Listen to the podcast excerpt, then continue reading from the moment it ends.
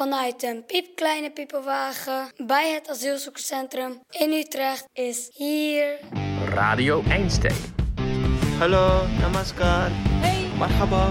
Salam alaikum. Welkom. Hallo. Ahlan biko. Hallo. Hallo. Hallo, salam alaikum. Hoi. Ja, begin ragli.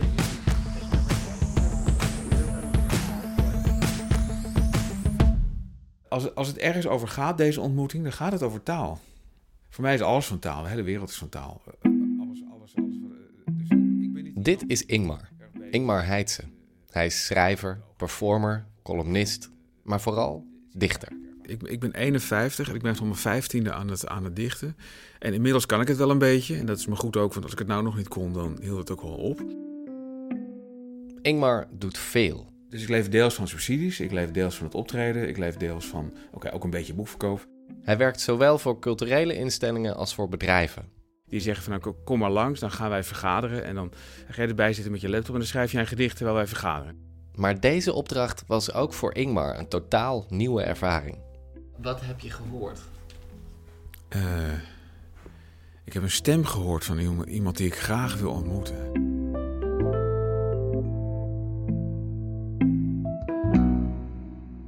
Je luistert naar Radio Einstein. Dit is seizoen 3, aflevering 7. Het cadeau voor Hossein.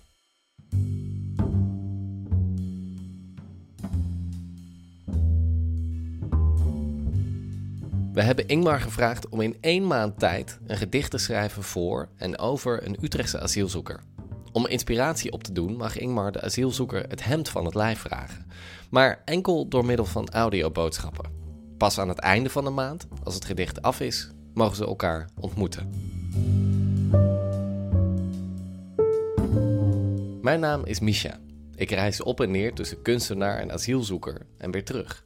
En als een soort audioveerman neem ik alles op.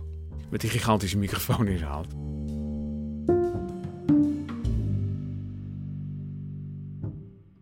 Goedemorgen, dit is Hossein Wassempoor. Ik ben 26. Ik heb 3,5 jaar geleden naar Nederland gevlucht. En ik woon tegenwoordig in AZC Utrecht. Hossein is de hoofdpersoon van Ingmars gedicht. Hij komt uit Iran, uit de hoofdstad Teheran om precies te zijn. Hij heeft een paar WhatsApp-audioberichten opgenomen speciaal voor Ingmar. Toen ik acht was, ik zat op een grote basisschool. Het eerste bericht gaat over een vroege jeugdherinnering. Die was dezelfde basisschool als mijn broer, Amir. En ik herinner me, er was een kind die houdt van mij boeien. En toen één keer had een discussie met hem. Ik was aan het wegrennen. Ik werd geslaan en ik vond het altijd grappig. En mijn broer moest voor mij zorgen. In Iran werkte Hossein als operatieassistent in de plastische chirurgie.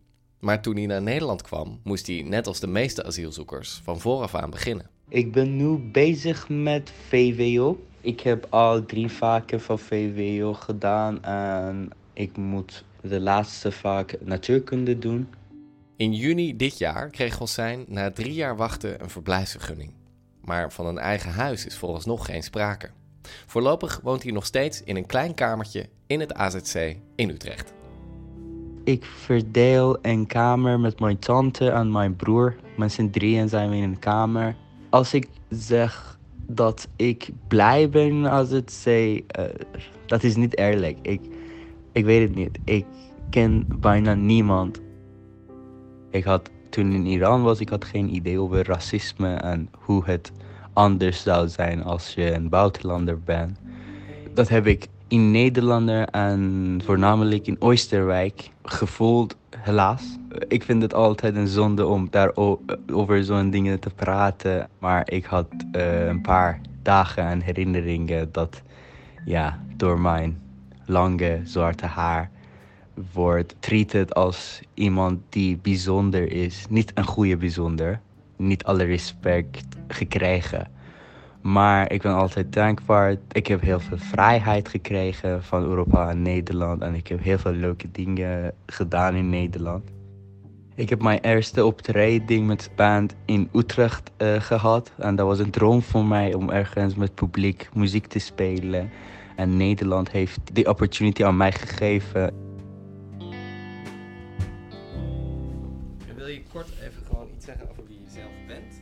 Het is een zonnige herfstdag en we zijn bij Stut Theater in de Utrechtse wijk Overvecht. Waar we Ingmar hebben uitgenodigd om zijn opdracht te ontvangen. En terwijl hij naar de berichten luistert die ik via de boxen afspeel, maakt hij fanatiek aantekeningen. Wat, wat heb je gehoord? Hij heeft een hele mooie stem, een hele muzikale, zangerige stem. Ik heb een stem gehoord van eh, iemand die niet van zeuren houdt. Die, die, die steeds met positieve dingen begint. En dan zegt hij in een paar bijzinnen iets waarvan je eigenlijk denkt... Dit is, dit is heel erg verschrikkelijk. En, en, en het komt nog harder aan omdat hij... dat- Maar ja, er zijn ook positieve dingen. En hij, hij veegt het een beetje weg. En daardoor zie je het nog beter. Zoals wat bijvoorbeeld? Nou, bijvoorbeeld dat hij zegt van ja, ik heb dan lang zwart haar en eh, ja, dat krijgt dan niet alle respect. Wat hij natuurlijk bedoelt. Ik ben in Oosterwijk, heb ik gewoon verschrikkelijke tijd gehad en ik ben, ben voor de ergste dingen uitgemaakt, omdat ik er anders uitzie dan anderen. Daardoor krijg, je ook, krijg ik ook een heel positieve indruk van hem, maar tegelijkertijd is het, is het ook heel schrijnend en moeilijk. Dus dat, dat is heel interessant. En wat, wat valt je nog meer op? Eh, een, een, een jeugdherinnering toen hij een jaar of acht was en gepest werd. Volgens mij is het best een erge jeugdherinnering. Maar heeft hij me ook redelijk lachend beda- eh, gebracht. En mijn idee over hem is, als ik het in het licht van wat ik daarna hoorde zet, dat hij altijd wel heeft geweten dat hij een beetje anders is dan anderen in heel opzichten. Ingmar kan het niet laten om Hosseins verhaal te vergelijken met zijn eigen geschiedenis. En al zijn er veel verschillen, hij ziet zeker ook parallellen. Ik ben opgegroeid in Tuindorp, de jaren 30 wijk. Dat is, dat is niet ver vandaan waar we dit gesprek nu hebben in Overvecht. En omdat ik op een andere school zat, in Beeldhoven, dat is eh, een dorpje verderop, was ik een vreemd kind in mijn eigen wijk. Wat betekende dat, dat, dat de dorpsjeugd achter mij aan zat. Van, dat doe je met vreemde kinderen. Eh, en ik ken daardoor alle stegen van Tuindorp nog heel goed. Ik weet nog precies waar je wel doorheen kon rennen en waar niet. Als je niet gepakt wil- wilde worden door de dorpsjeugd. Het, het was ook een spel. Het was ook niet alleen maar leuk. En ik zie wel eh, een soort correspondentie wat dat betreft.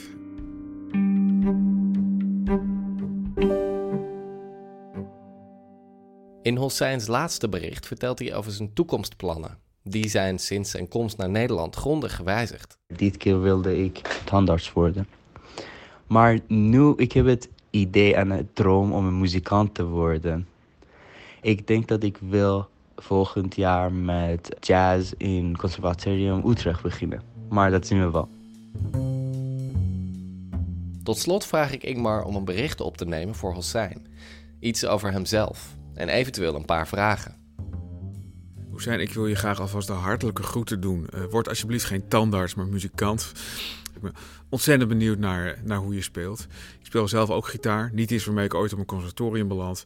Maar ik ben heel erg benieuwd eh, hoe, dat, hoe dat klinkt. En ik heb ook wel het idee dat wat ik ga schrijven misschien ook wel een bepaald ritme gaat krijgen. Want ik werk graag ritmisch. Ik werk ook veel met muzikanten. Dus het, het is niet uitgesloten dat er uiteindelijk ook muziek onder kan. Op de een of andere manier. En, en misschien kan jij die dan wel maken. Als je er zin in hebt. Ik ben dichter, Hoesijn, en ik ben heel benieuwd wat poëzie betekent voor jou persoonlijk, maar ook in, ook in jouw cultuur. Ik heb er allerlei exotische gedachten over. En ik en ik ben dus heel erg benieuwd of dat een beetje, een beetje klopt. Of heb je niks met poëzie, zoals de meeste mensen in dit land eigenlijk niks met poëzie hebben. En muziek ook, ben ik ook heel benieuwd naar. En ik ga mijn best doen om iets te maken waar je een grijns van op je gezicht gaat krijgen. Dat, dat ga ik proberen. En als, als, en als je die grijns krijgt, als het klaar is, dan weet ik dat het is gelukt. Denk je dat hij weet wat een grijns betekent? Goeie vraag. En vraag dat morgen ook maar. Hoe zijn, weet, je, weet je wat een grijns betekent? En vraag dat morgen ook maar. Hoe zijn, weet, je, weet je wat een grijns betekent? Helaas niet. Dat is eigenlijk glimlachen, maar ook met in je achterhoofd: ik weet iets wat alle andere mensen niet weten. Is het positief? Ja, ja, is oké. positief. Oké. De volgende dag zit ik met Hossein in de pipowagen van Radio Einstein op de parkeerplaats van het AZC. Ik laat hem Ingmars boodschap horen en hij kan zijn opwinding niet onderdrukken. Ah, mooi. Ik ben zo enthousiast. Ik wil zo graag met jou iets doen met muziek en poëzie. Ja, zeker heb ik zin in. Ik ben heel benieuwd wat poëzie betekent voor jou persoonlijk, maar ook in, ook in jouw cultuur. Iran en poëzie. Dat was een van de landen dat begon met heel veel poëzie en alles. Hafez, Rumi. De, Heel bekend. heel bekend. Zelfs hier. Yes. En nu hebben we die era van Rumi. En er worden heel veel poets, Dichter. dichters, ja. Dichters eh, geïnspireerd door Iraanse dichters. Dat komt ook door de taal. Farsi heb ik gehoord dat heel rijk is. In Engels of Nederlands heb je één woord voor liefde. Liften. Liefde, love. Ah, liefde. Ja, maar in, in, in Iran heb je honderd woorden daarvoor. Toen ik 17 of 16 was, begon ik met schrijven. Yes, een puberteit. Met poëzies, maar heel simpel eigenlijk. Alleen over liefde. You leave me alone, I love you. En zo'n hele teenage vibes. Dan was ik helemaal niet tevreden. Toen begon ik met gitaar spelen. Ik begon net als alle andere jongeren met Radiohead en rockmuziek. Ik was bezig met heel veel meer popmuziek, pop-rockmuziek. Dan stuit hij als tiener op een genre dat hem op dat moment weinig zegt.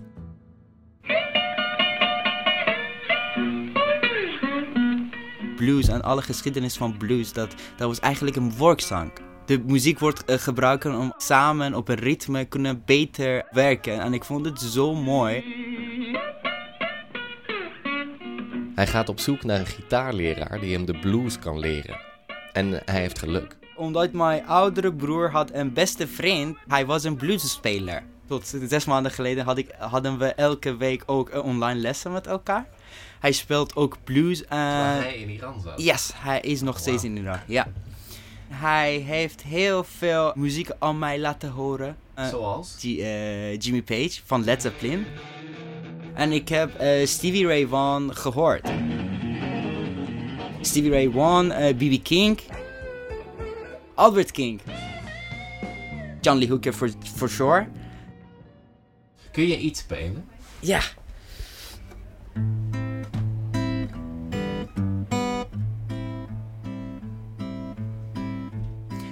Sunshine when she's gone. It's not warm when she's away. Ain't no sunshine when she's gone. Anytime she goes away.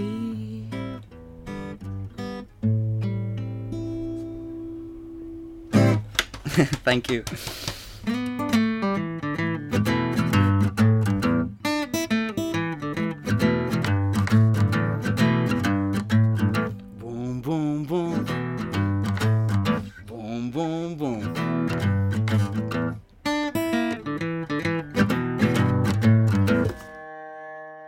De- is die, de, zeg maar, heilig plek in mijn leven.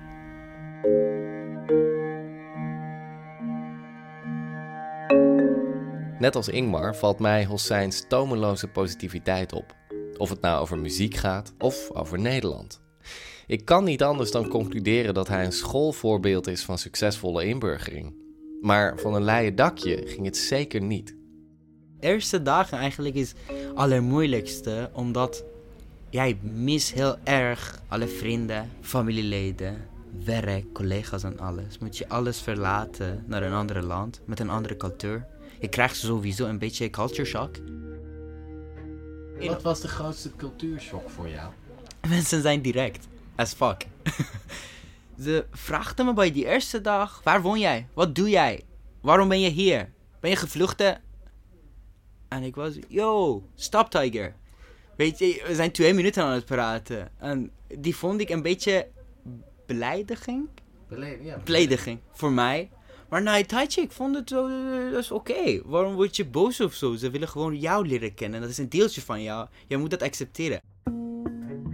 En daarna in Oosterwijk. Oh my god, Oosterwijk. Ik heb zoveel, zo vaak tegen mensen hoi gezegd, goedemorgen gezegd. Maar niet terugkrijgen. Ik ben niet dramatisch of zo. Maar ik draag altijd een glimlach. Ik praat jullie taal een beetje. Ik heb nooit lastig gevallen voor iemand. Een probleem gemaakt voor iemand. Waarom verdien ik niet een hoi terug? Dat was altijd mijn vraag. Maar goed. Maar ondanks die moeizame eerste kennismaking met de Nederlanders, heeft hij inmiddels zijn hart verpand aan Utrecht. Waar hij voor het eerst in zijn leven een carrière in de muziek kan overwegen. In Iran was dat geen optie. Helaas door de revolutie en alle islamitische gedachten en wetten in Iran, nu is het moeilijk. Vroeger, ja, eigenlijk wel. Op de televisie mag je geen instrument laten zien. Je mag geen vrouwelijke vocals hebben. En je hebt geen zangeressen die werkt officieel als een zangeres. En er is meer. Films, boeken en theater zijn onderhevig aan strenge censuur. Voor dansen kun je worden opgepakt. En sinds de Iraanse revolutie van 79 is nergens in het openbaar muziek te horen. Ayatollah Khomeini, die Iran vanaf dat moment aan een streng fundamentalistisch islamregime onderwierp, vergeleek muziek met opium en was ervan overtuigd dat het de hersenen inactief maakte. Ik was drie maanden in Nederland. Ik heb een video op Instagram gezien. Dat broke my heart, omdat dat was een mooie klassieke gitaar. Dat wordt gewoon gebroken door een politieagent, omdat ze mochten niet in een metrostation muziek spelen. Twee mensen, twee jonge mensen. Dat zie je nog steeds. En wanneer gaat dat stoppen? Dat is echt sad. Daarom zie je meer problemen. En als je elke keer met een project begint, met een mu- muziekproject, en na een tijdje iemand die heeft macht zou zeggen dat mag niet. Jonge mensen hebben geen zin om dingen te doen, dingen onder te nemen. Maar zoals het Hossein betaamt, gooit hij er toch nog een hoopvolle gedachte tegenaan. Komt goed. Dat is, eh, dat is mijn favoriete eh, Nederlandse uitdrukking eigenlijk. Komt goed. Hossein mag zich dan thuis voelen in Nederland, maar er zit ook een schaduwzijde aan. Zo kreeg hij onlangs nog een kritische preek van zijn tante. Zij zei dat in plaats van alleen integreren in de Nederlandse maatschappij, moet je ook een deel van je dag tijd besteden om een beetje over Iran meer te weten. We hebben een heel mooie geschiedenis qua kunst, qua cultuur. En dus maakt Hossein van de gelegenheid gebruik om Ingmar ook nog een paar vragen terug te kaatsen. Ingmar, la- laat me alsjeblieft weten wat voor Iraanse dichter is je favoriete? Of heb je een favoriete gedicht van een Iranier? Eh, dat zou echt top zijn. Ik heb nog geen eh, Nederlandse favoriete dichter, dus laat me weten wie moet ik eh, lezen. Dankjewel. Alvast. Waar zijn we? Waar we zijn? We zijn op mijn zolder. Nee, mijn zolder. De zolder op- in het huis waar ik met mijn gezin woon. In Tuindorp Oost. Tuindorp Oost is een doorzonwijk.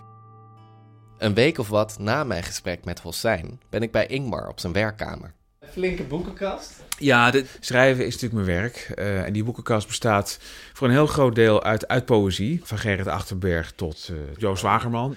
Elke grote dichter uit pak een beetje vorige eeuw. Als daar verzamelde werken van zijn, dan heb ik ze in huis. Die blijf ik ook kopen en bijkopen. En dat is helaas een flink corpus. Want ik, eh, helaas. nou, omdat de kast op is.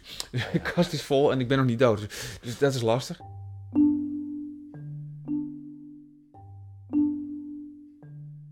Nieuwsgierig als ik ben, kan ik het niet laten om Ingmar te vragen hoe een dichter als hij de coronatijd heeft beleefd. Ja, nou ja, ik denk 12 of 13 maart zou ik eh, samen met Lisa Jacobs, de violiste, zou ik eh, de bibliotheek op de Neude in het, in, in het oude postkantoor eh, openen. De, meest precieze klus van het jaar. Er kwam een berichtje van ja, nee, dat kan niet, corona. En toen kwam er dus een soort motregen van plonk, plonk, plonk op gang. Van ja, nee, sorry, dit- kan ook niet doorgaan. Nee, dat ook niet. Dus, dus mijn agenda was ook leeggeveegd. In anderhalve dag. Ja, dat een gekke tijd. Voor Ingmar was muziek een van de ontsnappingen van de afgelopen tijd. Ja, gitaren. Dat is een beetje uit de, uit de hand gelopen. Ja, dat, dat, is ook wel, dat zal ook wel een midlife crisis ding zijn. Hij heeft zelfs een plaat uitgebracht. Een plaat geïnspireerd door een album van Jim Morrison van The Doors. Ja, dit, dit is ons debuut, eh Zwart Glimmend Chroom. En dat is net verschijnen bij Excelsior. zwart glimmend groom. En kwam in de zomer als vloeibare nacht. Zullen we even naar Hossein gaan? Ja, laten, laten we dat doen, want anders eh, eens even kijken. Het, is wel, het heeft wel iets met zijn te maken, namelijk, het is de blues. Ik heb geluisterd en, eh, naar, naar, naar de muziek en ik heb geluisterd naar, naar het verhaal. Wat viel je op? Wat opvalt, eigenlijk beg- begint het met een soort zelfbewustzijn van dit is de eerste keer dat ik gewoon een uur lang luister naar iemand met zo'n verhaal. Echt luister. Eh, in plaats van in, de krant lezen en over is dat toch erg. In het Nederlands heel goed. Maar ik snap ook dat hij niet alles tot zijn beschikking heeft. Hij heeft het ook over taal. Een talig iemand. Zeker het, eh, wat ik een heel mooi stukje vond, is dat hij het had over het woord liefde. En dat dat, nou, dat, dat, dat heel veel synoniemen kent in zijn taal. En die van ons eigenlijk, eigenlijk en niet zoveel. Toen dacht ik, oh ja. En toen bleek hij nog gelijk te hebben ook. Ik ben op zoek gegaan. Dat zijn toch, nee, dat is wel waar. Ik vraag Ingmar hoe ver hij al is met zijn gedicht. De titel staat wel Blues voor Hussein. Omdat het ook bij zijn karakter past. Namelijk, eh, de blues is in de kern, voor zover ik iemand ben om daar wat over te zeggen. Het gaat slecht, maar het wordt beter. Volgens mij is dat precies waar deze jongen ook over gaat. Wil je hem aanspreken? Ja. Hussein, eh we, we zitten hier op mijn zolder. We, we zitten een beetje over je te praten. En Misha zei zeer terecht, op een gegeven moment kunnen we niet beter tegen je praten. En toen dacht ik, dat is waar. Ik heb je interview gehoord, ik heb je gitaar horen spelen. Dat was heel, heel prettig. Ik heb eh, gehoord dat je soms verbaasd kan zijn over de botheid en directheid van Nederlanders. Nou, je hebt helemaal gelijk. Eh, Zo zijn wij. zo zijn we. En ja, ik, ik ben ook bot en direct. Ik wil eigenlijk ook wel echt, echt weten, voor wat ik aan het schrijven ben voor je, van waar je nou echt voor vlucht. Wat er precies eh, gebeurt. Waarom je daar niet, niet kan zijn. Daar zou ik graag meer over horen, want het- ik weet letterlijk niet hoe het werkt. Ik heb er nooit ergens voor, hoeven vluchten. Ik zit in de, in de volvette, gemakzuchtige positie dat ik nog geen dag van mijn leven bang heb hoeven zijn voor de overheid en voor de politie. Ik heb altijd kunnen gaan en staan waar ik wil. En ik heb gewoon letterlijk geen idee hoe dat is. Hoe is dat? Kun je me dat vertellen? Was dat je afsluiting? Ja, dat is eigenlijk wel. Ja. Dat is dat is all I got. Ja, hij had een paar vragen voor je. Ja, nee, natuurlijk. Dat vergeet ik helemaal. Favoriete dichters uit, uit Iran of het Arabisch taalgebied. Daar zit ik slecht in. Ik denk dat jij dat toch nog steeds meer kent dan ik. Ja, die... die Kun je me eh, iets geven? Iets. Ingmar gaat heel moeilijk kijken nu. Ja, het, het, een boek wat ik heel leuk vond, alleen het is geen poëzie, is eh, De Ring van de Duif van Ibn Hazm. En het, is een, eh, schijnt een totaal klassiek boek te zijn in de Arabische wereld. En het is een soort gids voor hoe je het aan moet pakken in de liefde. Tot hele praktische adviezen aan toe. Bijvoorbeeld dat als je dan, als je dan een zoon wil, dan moet, eh, dan moet, je, dan moet je eerst eh, zeven keer je kruid verschieten buiten je vrouw. En dan, dan de laatste keer is, is alleen het allersterkste zaad nog over. En dan moet je in haar klaarkomen en dan krijg je een zoon en geen dochters. Het staat vol met dat soort fantastische tips. Ehm, ik vond het zo'n leuk boek. Ik kan eens even kijken of ik nog heb. Ik ben het kwijt.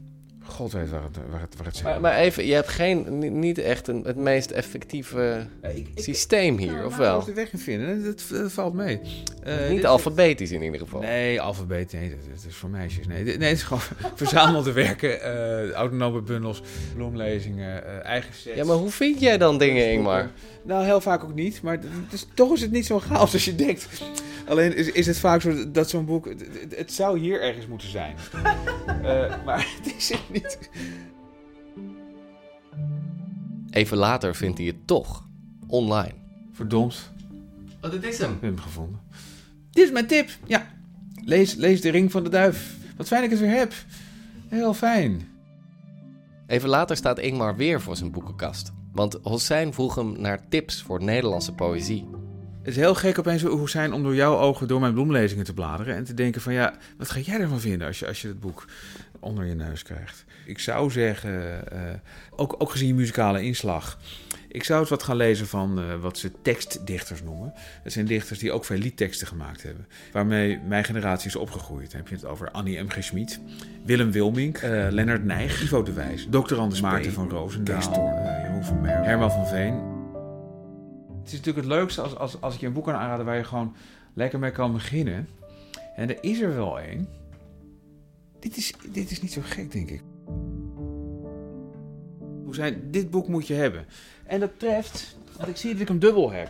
Ik, ik, ik geef deze mee aan Misha. En eh, als, je, als je dit wil lezen en, en, je, vindt het leuk, dan mag je het hebben. Want ik, ik, ik, ik vind één wel genoeg.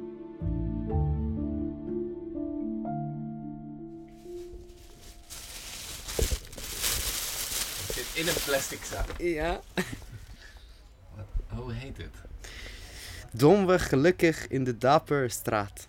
Wat staat eronder? Eronder de bekendste gedichten uit de Nederlandse literatuur. Oh, dat is een mooie cadeautje. Dankjewel. Hij heeft er iets in geschreven. Kun je het lezen? Yes, beste Hossein, laat die, die eerste dichtbundel in het... Beste, beste Hoesijn, laat dit de eerste dichtbundel in het bot directe Nederlands zijn die je leest. Af en toe, één tegelijk. Poëzie is... Poëzie is geen aangenomen werk. Oké, ga ik doen. Dan ziet hij dat er nog iets onder gekrabbeld is. Een paginanummer. Oh, pagina 303. 303. Wat is het? Dat is een dicht van de man himself, Ingmar Heitse. Als ik dit, Ja, als heel ik dat, goed. ja, oké. Vogels en vissen. De radio, je hoort niets nieuws. De stilte wacht geduldig af. Vouw de krant dicht. Hij was oud voordat hij werd gedrukt. Zoek niet, deel niet, duim niet tot je. Intussen doen wat je het liefst doet. Vrede sluiten met je lot. Sluit de voordeur. Zet de tuindeur open. Voel de zon op je gezicht. Denk voor je oud wat niemand hardop durft te zeggen. Wij zijn een virus dat een virus heeft gekregen. Wat mooi. Prachtig. Laatst was ik aan het denken, de laatste paar dagen, dat ho- hoe het leven zo mooi is. En soms missen we dat. Maar we kunnen gewoon genieten van mooie kleuren en alles. Ik ben verbaasd dat de gedicht dat gaat op dezelfde onderwerp. Ja, hij had een, een paar vragen voor je. Ja. Ik ben ook bot indirect. Ik wil eigenlijk ook wel echt, eh, echt, echt weten. eh, en het is vooral voor wat ik aan het schrijven ben voor je. Van waar je nou echt voor vlucht. Wat er precies eh, gebeurt. Waar- waarom je daar niet, niet kan zijn. Oh, dat was 2018 dat ik vluchtte naar Nederland. Dan is Hossein even stil. Hij denkt na, haalt adem en vertelt het ingrijpende verhaal van waarom en hoe hij vluchtte uit zijn thuisland. Het complete verhaal wil Hossein wel met Ingmar delen, maar omwille van zijn eigen veiligheid krijg jij een gecensureerde versie. Want dat hij in gevaar was, is een feit. Mogelijk zelfs nog steeds. Toen ik hier in Nederland was, heb ik van mijn oud- oudere broer in Iran gehoord dat er waren mensen op zoek naar jullie. Waar het op neerkomt, is dat Hossein een nieuwsgierig kind was. Als een poeber vraag je alles. Waarom heb ik een vader? Why? Waarom doen dat, dat? Je bent alleen vraagtekenen. Het begon onschuldig, maar naarmate hij ouder werd, werden de vragen minder onschuldig. En in een land als Iran is het stellen van de verkeerde vragen levensgevaarlijk. De reden was over geloof. Dus toen begon ik me een paar vragen stellen. Bijvoorbeeld een van de vragen dat ik heb nog steeds van moslims. Eh, je ziet in de Koran dat zegt dat als een moslim, dat je bent eh, opgegroeid als een moslim, je mag alle andere godsdiensten en alle spiritualiteit en alle energy of whatever er is in de wereld gewoon opzoeken, lezen en daarover gewoon eh, studeren een beetje. Maar je mag niet je geloof verlaten, islam. Waarom is dat zo? En ik kon geen antwoord daarvoor krijgen. Dat is, wordt gezien als een verdachte vraag waarschijnlijk. Ja, dat is een open vraag, denk ik. Eh, ja. Toen ging het gewoon mis. In aanraking met politie en alles. Een vriend van hem verdwijnt zelfs van het ene op het andere moment. Dat was een moment dat ik zei, fuck. We moesten gewoon wegrennen van ons land en we konden gewoon niet meer terug naar Iran. Diezelfde dag nog stuur ik Ingmar het hele gesprek door. Hij luistert, schrijft en schaaft aan zijn gedicht. En ondertussen vliegen er nog wat vragen over en weer. Hoe zijn, ik weet niet of je toegang hebt tot Spotify of, een andere streamingdienst.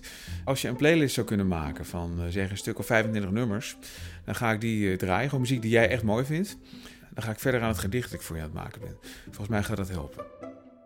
Ja, dat zou ik sowieso doen. Yes. En ik wil ooit met hem ook een dateje doen, als dat mogelijk is. Dat zou perfect zijn. Dat was mijn vraag van jou. Voor dit keer. Simpele vraag. Ja, ja. En dan is het moment daar. De maand is om. Het gedicht is af. En eindelijk zijn Ingmar en Hossein in dezelfde ruimte. Ze zijn zichtbaar nerveus. Hossein zit verwachtingsvol op een stoel, terwijl Ingmar het woord neemt. De interviews die je aan Misha hebt, hebt afgestaan, heb ik eh, eigenlijk beluisterd en beluisterd. En niet eens om wat je zei, hoewel het interessant en leuk genoeg was. Maar vooral ook omdat ik gewoon eh, op basis van de stem begon ik een karakter in mijn hoofd te krijgen. Van, ja, wat, wat is dat voor iemand? Hoe ziet hij eruit? Hoe zou hij lopen? Hoe beweegt hij? Hoe houdt hij die gitaar vast? Etcetera, etcetera, etcetera. Ja, het mysterie is nu het is ook leuk, je stapt er binnen en het mysterie is niet, is niet opgelost. Je bent totaal iemand anders dan ik, ik dacht. Wat? Om de een of andere reden dacht ik dat je, dat je jonger zou zijn, terwijl ik wel weet dat je 26 bent. Ook omdat je zei van ik, ik, ik doe een VWO. In mijn hoofd ben je eigenlijk een scholier.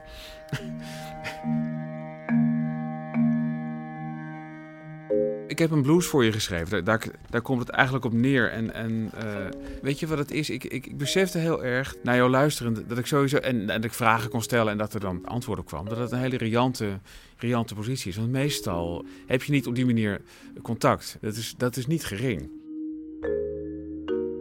Daardoor begon ik te beseffen, ho hoewel ik af en toe wel een beetje zagrijnig en korzelig aan het werken. Ik moet wel iets verzinnen. Moet het nou? En, en, ja, ik wil naar die stem luisteren. Dat ik op een gegeven moment werd me wel duidelijk en ik werd ook boos om, om allemaal dingen die, die je vertelde. Ik dacht van, het, is toch, het, valt toch ook verdomme niet mee. Om hier naartoe te komen en, en best mensen onterende dingen mee te maken. En ik dacht, maar het moet geen boos gedicht zijn.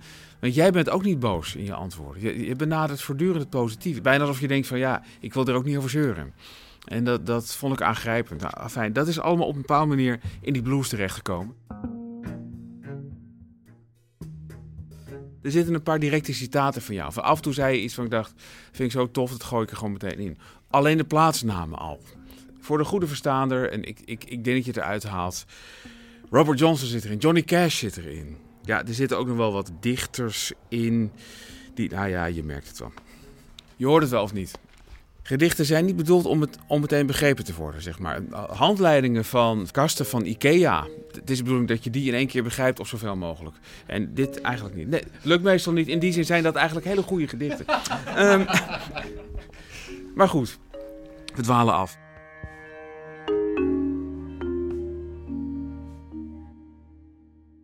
Blues voor Hussein. Je kunt op reis in een gitaar, een stem je eigen kruispunt zoeken, je ziel begraven in andere grond. Zingen, man, ik was overal, ter Apel, Assen, andermaal ter Apel, Oosterwijk, nergens zonneschijn om over naar huis te schrijven. En elke week weer terug om uit te leggen dat je nog bestaat. De week lagen de remmen van de treinen over steeds dezelfde uitgesleten sporen in je oren. Kom, laat je nog eens in de kaarten kijken. Die handel is tot op de draad versleten. Nog maar eens, opnieuw en weer. De overheid, een paranoïde hospes met het geheugen van een goudvis. Vluchten is een lifestyle, zeg je. Smile. Dit is jouw blues. Jij weet wat blues betekent. Als het slecht gaat, wordt het beter. Als je zoekt naar liefde in een vreemde taal en veel te weinig woorden vindt. Als je een verhaal hebt waar het halve land naar vraagt, maar dat in feite niemand horen wil. Als het tocht van binnen, als je denkt aan thuis, niet thuis, wanneer het regent in je hoofd. Als je gedachten een zolder zijn die je niet krijgt opgeruimd. Wanneer je bijna verdwijnt in het zwijgen, als je mensen groet op straat en geen hond zegt iets terug. Als iedereen door je heen kijkt tot je het voelt branden in je rug. Dit is jouw blues van vragen stellen en geen antwoord krijgen. Vrienden vinden die het eens zijn, langzaam lastig worden. De verkeerde God omhelzen, als een verdwaalde vogel bonken tegen onzichtbare ramen. Niemand weet waarom jouw hemel niet die van een ander is. Maar je bent meer dan je verhaal. En het wordt beter, zeg je. Het komt goed. Pak je gitaar. Dit is jouw blues. Muziek van toekomst die je zelf maakt. Alsjeblieft.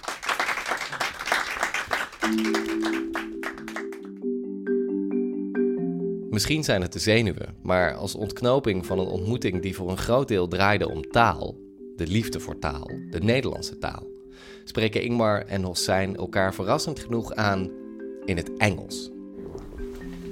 Hope you enjoy it, man. It was really great to uh, to write it. it's really great to get this from you. It meant a lot. That's there are not a lot of things that I'm like, oh, that's something new for me, but that was really something new for me, and I enjoyed every word that you use in the whole thing. And thank you so much, thousand times. Dankjewel.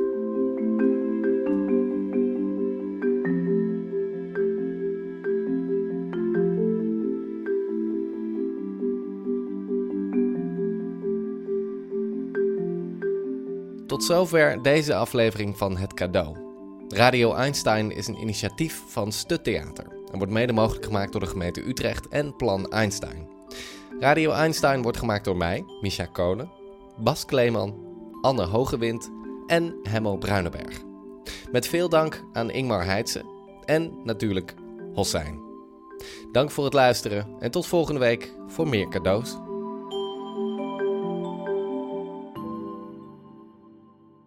Dus ga, ga jij ook even spelen terwijl hij voordraagt? Dat hoop ik wel. Maar Even stemmen. Dit is een blues voor Hussein.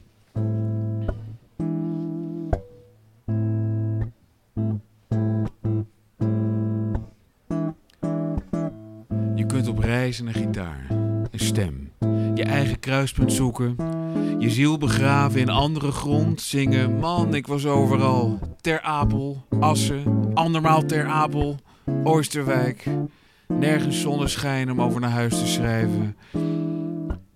En elke week weer terug om uit te leggen dat je nog bestaat. De weeklagende remmen van de trein over steeds dezelfde uitgesleten sporen in je oren. Kom, laat je nog eens in de kaarten kijken. Die handel is tot op de draad versleten. Nog maar eens. Opnieuw en weer. De overheid, een paranoïde hospes met het geheugen van een goudvis. Vluchten is een lifestyle, zeg je. Smile. Dit is jouw blues. Je weet wat blues betekent. Als het slecht gaat, wordt het beter. Als je zoekt naar liefde in een vreemde taal en veel te weinig woorden vindt. Als je een verhaal hebt waar het halve land naar vraagt, maar dat in feite niemand horen wil. Als het tocht van binnen, als je denkt aan thuis, niet thuis, wanneer het regent in je hoofd, als je gedachten een zolder zijn die je niet krijgt opgeruimd, wanneer je bijna verdwijnt in het zwijgen als je mensen goed op straat en geen hond zegt iets terug. Als iedereen door je heen kijkt tot je het voelt branden in je rug. Dit is jouw blues van vragen stellen en geen antwoord krijgen. Vrienden vinden die het eens zijn, langzaam lastig worden, de verkeerde god omhelzen. Als een verdwaalde vogel bonken tegen onzichtbare ramen. Niemand weet waarom jouw hemel niet die van een ander is. Maar je bent meer dan je verhaal. En het wordt beter, zeg je. Het komt goed. Pak je gitaar. Dit is jouw blues. Muziek van toekomst die je zelf maakt. Solo.